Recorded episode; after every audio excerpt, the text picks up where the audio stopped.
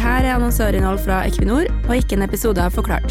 Redaksjonen har ikke deltatt i produksjonen av innholdet.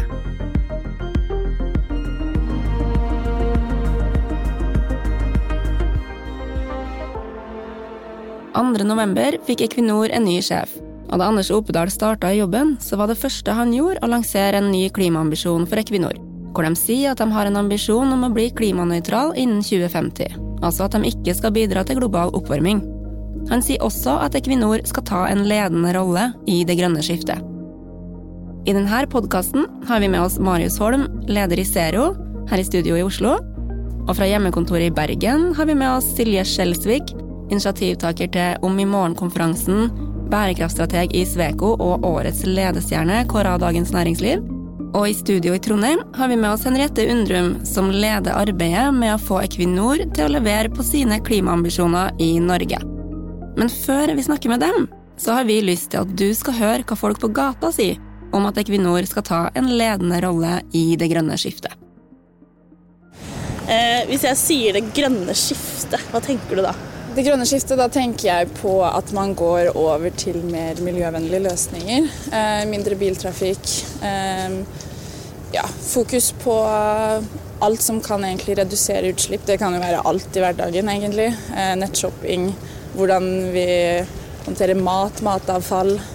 Eh, offentlig transport. Eh, mer bruk av ja, miljøvennlige framkomstmidler. Eh, Equinor sier jo at de skal ha en ledende eh, rolle i det grønne skiftet. Hva tenker du om det, og syns du det er troverdig? Nei.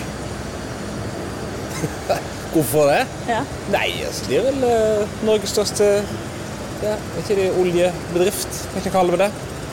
Uh, altså, De kan gjerne være det, for da må de omstille seg. Men om jeg tror på det, det gjør ikke jeg. Det er litt vanskelig. Så at, at de har mulighet til det, har de. Men så må vi få folk til å tro på det. For det er litt sånn Hei, du, jeg eh, lever av olje, uh, men jeg skal òg bli veldig god på miljø. Og så skal folk tro på det. Så det er vel derfor vi er her. Ja, det er greit å satse på mer fornybar energi, men hvis man ikke kutter ut det man driver på med, som f.eks. olje og gass, så hjelper det ikke at man da også eh, hjelper til med f.eks. For fornybar energi. Da.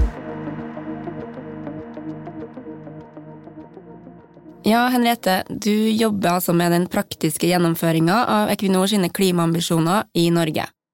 Hvordan henger det sammen at dere i Equinor fortsatt skal drive med olje, samtidig som dere nå ønsker å ta en ledende rolle i det grønne skiftet?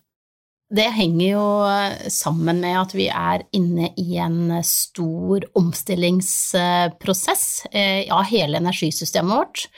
Eh, og da, da, må vi på en måte ha to tanker i hodet samtidig. Eh, at vi må, vi må jobbe med å levere energi som verden trenger, samtidig med at vi omstiller oss. Og så vil det alltid være et spørsmål om hvor fort omstillingen skal gå, og hvordan man skal styre omstillingen, og hvilke virkemidler som, som får til omstillingen på best mulig måte. Eh, og så er det jo sånn at, eh, at nå vi laget, har lagt en ambisjon eh, for vårt selskap om å være klimanøytral. Men selv i et sånt scenario, og selv innenfor Parisavtalen og de målene som ligger der, så, så vil det i den fremtiden fortsatt være behov for olje og gass.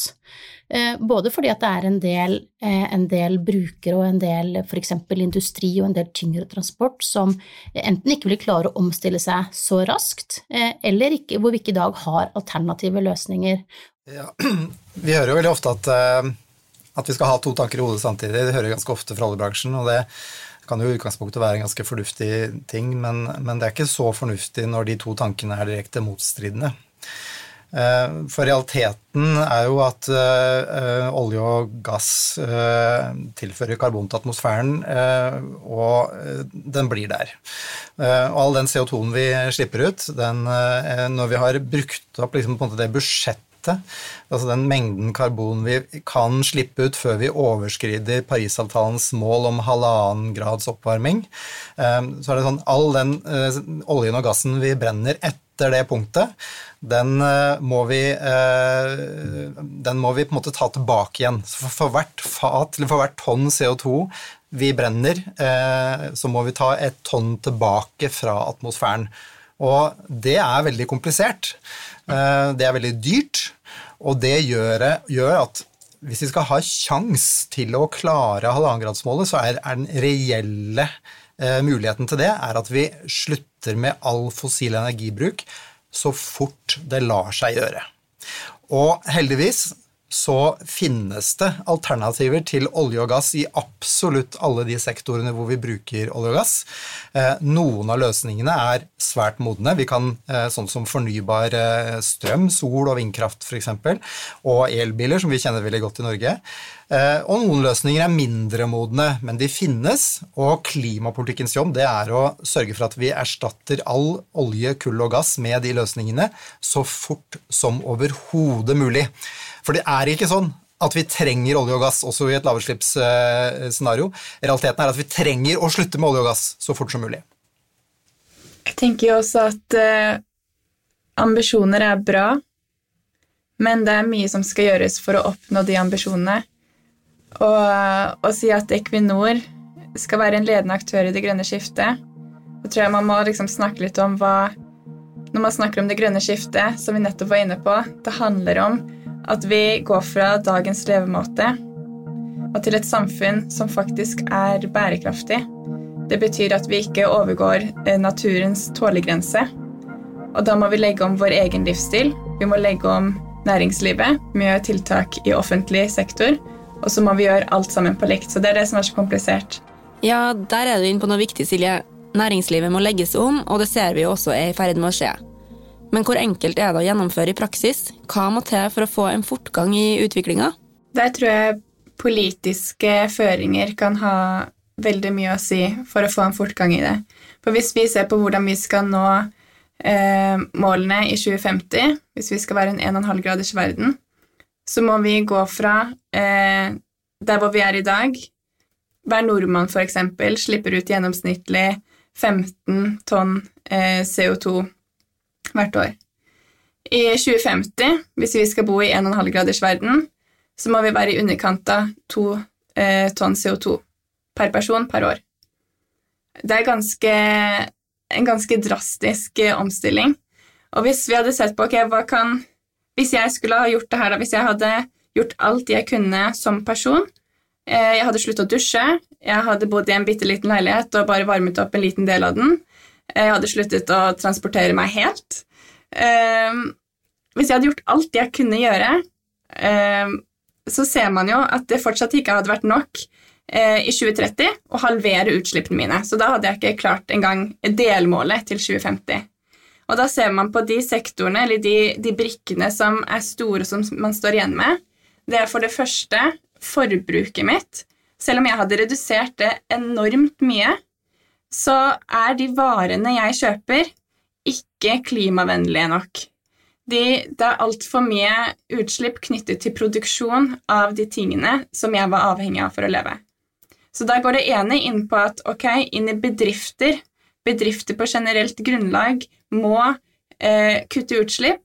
Der kan f.eks. Eh, regjeringen, politikken, gå inn med å sette rammeverk. Ok, Alle bedrifter må føre klimagassregnskap. Man må ha samme klimamål, gjerne samme mål som EU, for der går de i front. Og så burde man ha eh, et rammeverk som sier at man må også lage en strategi på hvordan man kan nå målene. Da vet man, og da sikrer man at man ikke styrer i blinde.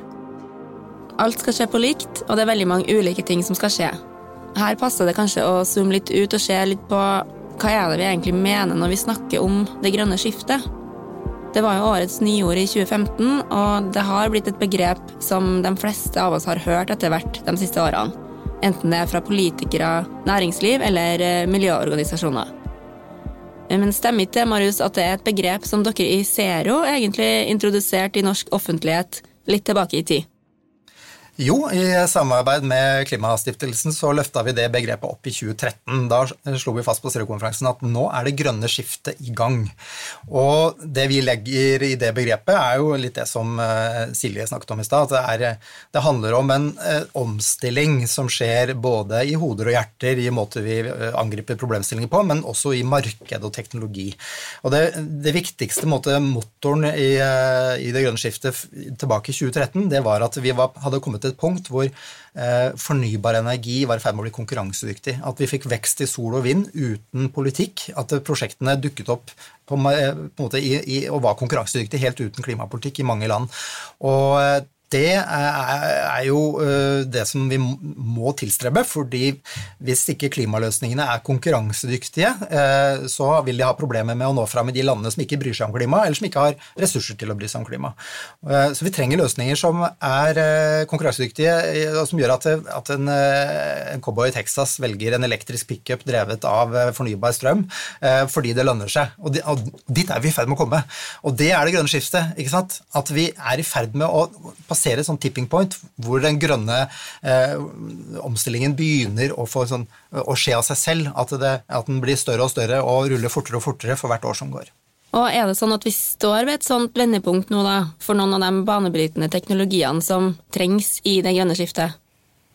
Definitivt. Eh, de tre viktigste teknologiene, de som eh, kommer til å kutte mest utslipp de neste 30 årene, det er sol, og så er det vind, og så er det batterier. Og alle de tre, teknologiene har gått fra å være eh, veldig dyre til å bli så billige at de eh, snart er konkurransedyktige over hele verden uten eh, klimapolitikk. Og det som også er så spennende med de, er at det går så fort, for det tar ikke tiår eh, før noe skjer på de sektorene der. Det er teknologier som ligner mer på IT, i den forstand at ting går veldig fort. Så energibransjen de sliter jo med å forstå dette her, fordi før så var det sånn at investeringene hadde 40 års horisont, og man brukte ti år på å planlegge en investering, og så, den, eh, og så, produserte den i 20 eller 30 eller 40 år, og så, eh, og så hang det til en måte fint sammen. Men nå endrer ting seg så fort at det som var sant i fjor, ikke er sant i år. Og for eksempel kostnaden med solenergi den, eh, den faller med, med, mange prosent i året. Det gjør også batteriprisen. Eh, så det er helt annen dynamikk. Eh, det er veldig, egentlig veldig fint å forklare det med internett som konseptet. Internett går enda fortere, selvfølgelig, men, men, men, det endrer forretningsmodeller, og det endrer måten vi løser oppgaver på, på en, så fort at måte, de som levde av de gamle løsningene, de risikerer å sitte med skjegget i postkassa og tape både penger og posisjoner. I vår strategi så har vi liksom lagt til grunn at vær forberedt på å bli overrasket. Ja, det ligger som en sånn grunnleggende fundament i strategien vår at, at, det å forutsi her hvem som blir vinnere og tapere, det å forutsi eh, hva som er gode og dårlige løsninger, det skal man være veldig forsiktig med. Eh, og det er jo en måte å tenke på, liksom å bygge scenarioer og prøve å, eh, å være robust da, for at ting går ulike veier. Det er jo en, en bedrift sin måte å, å, nærme seg et sånt problemstilling på. Og jeg tror at akkurat det som du peker på, at når vi kommer til det punktet at omstillingen går fordi det er konkurransedyktige alternativer, og det er det vi nå ser eh, i både sol og vind, som du sier. Det gjør jo at for et selskap som oss, så går det, inn, går det an eh, å komme inn eh, og gjøre det vi kan, som er store industrielle prosjekter med store, med store, investeringer. Når vi holder på nå med Doggerbank-prosjektet, som faktisk er verdens største vindprosjekt, selv om dere syns vi er trege, eh, så er det altså et prosjekt som kommer til å levere strøm til 4,5 millioner husstander i Storbritannia. Eh, da begynner dette å få en størrelse Eh, som virkelig monner. Og det er dit vi må. Vi må komme forbi eh, at vi skal eh, lobbe og drive på hvert enkelt prosjekt, over til at vi kan komme inn i et marked som er godt regulert, og hvor vi kan gå inn og gjøre store prosjekter. Det tror jeg er kjempeviktig. Og i England så har jo myndighetene først satt veldig solide mål for hvor de vil. Og så har de åpnet og lagt til rette for eh, både kommersielle betingelser og arealer som gjør det mulig.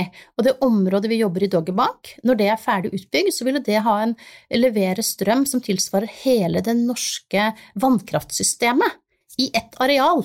Og da begynner dette virkelig å ta fart. Vi er jo verdensledende nå på flytende havvind, og vi bruker norske leverandører.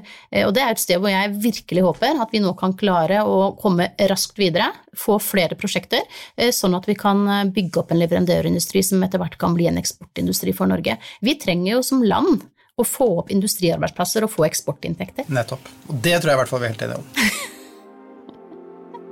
og det tenker jeg er et fint sted å avslutte dagens diskusjon. Som vi har vært inne på, er vi som samfunn allerede godt i gang med det grønne skiftet. Det skjer ikke bare på et overordna bevissthetsnivå, men også gjennom konkrete handlinger og prosjekter. Og skal store selskap som Equinor klare å være klimanøytral innen 2050, så trengs det tiltak som fortsetter i både størrelse og hastighet framover. Vil du høre hvordan samtalen mellom Marius Holm, Silje Skjelsvik og Henriette Undrum fortsetter? Bli med oss de neste to lørdagene når vi slipper del to og tre av denne praten om det grønne skiftet. Du har hørt annonsørinnhold for Equinor, produsert av Try. Aftenpostens redaksjon har ingen rolle i produksjonen.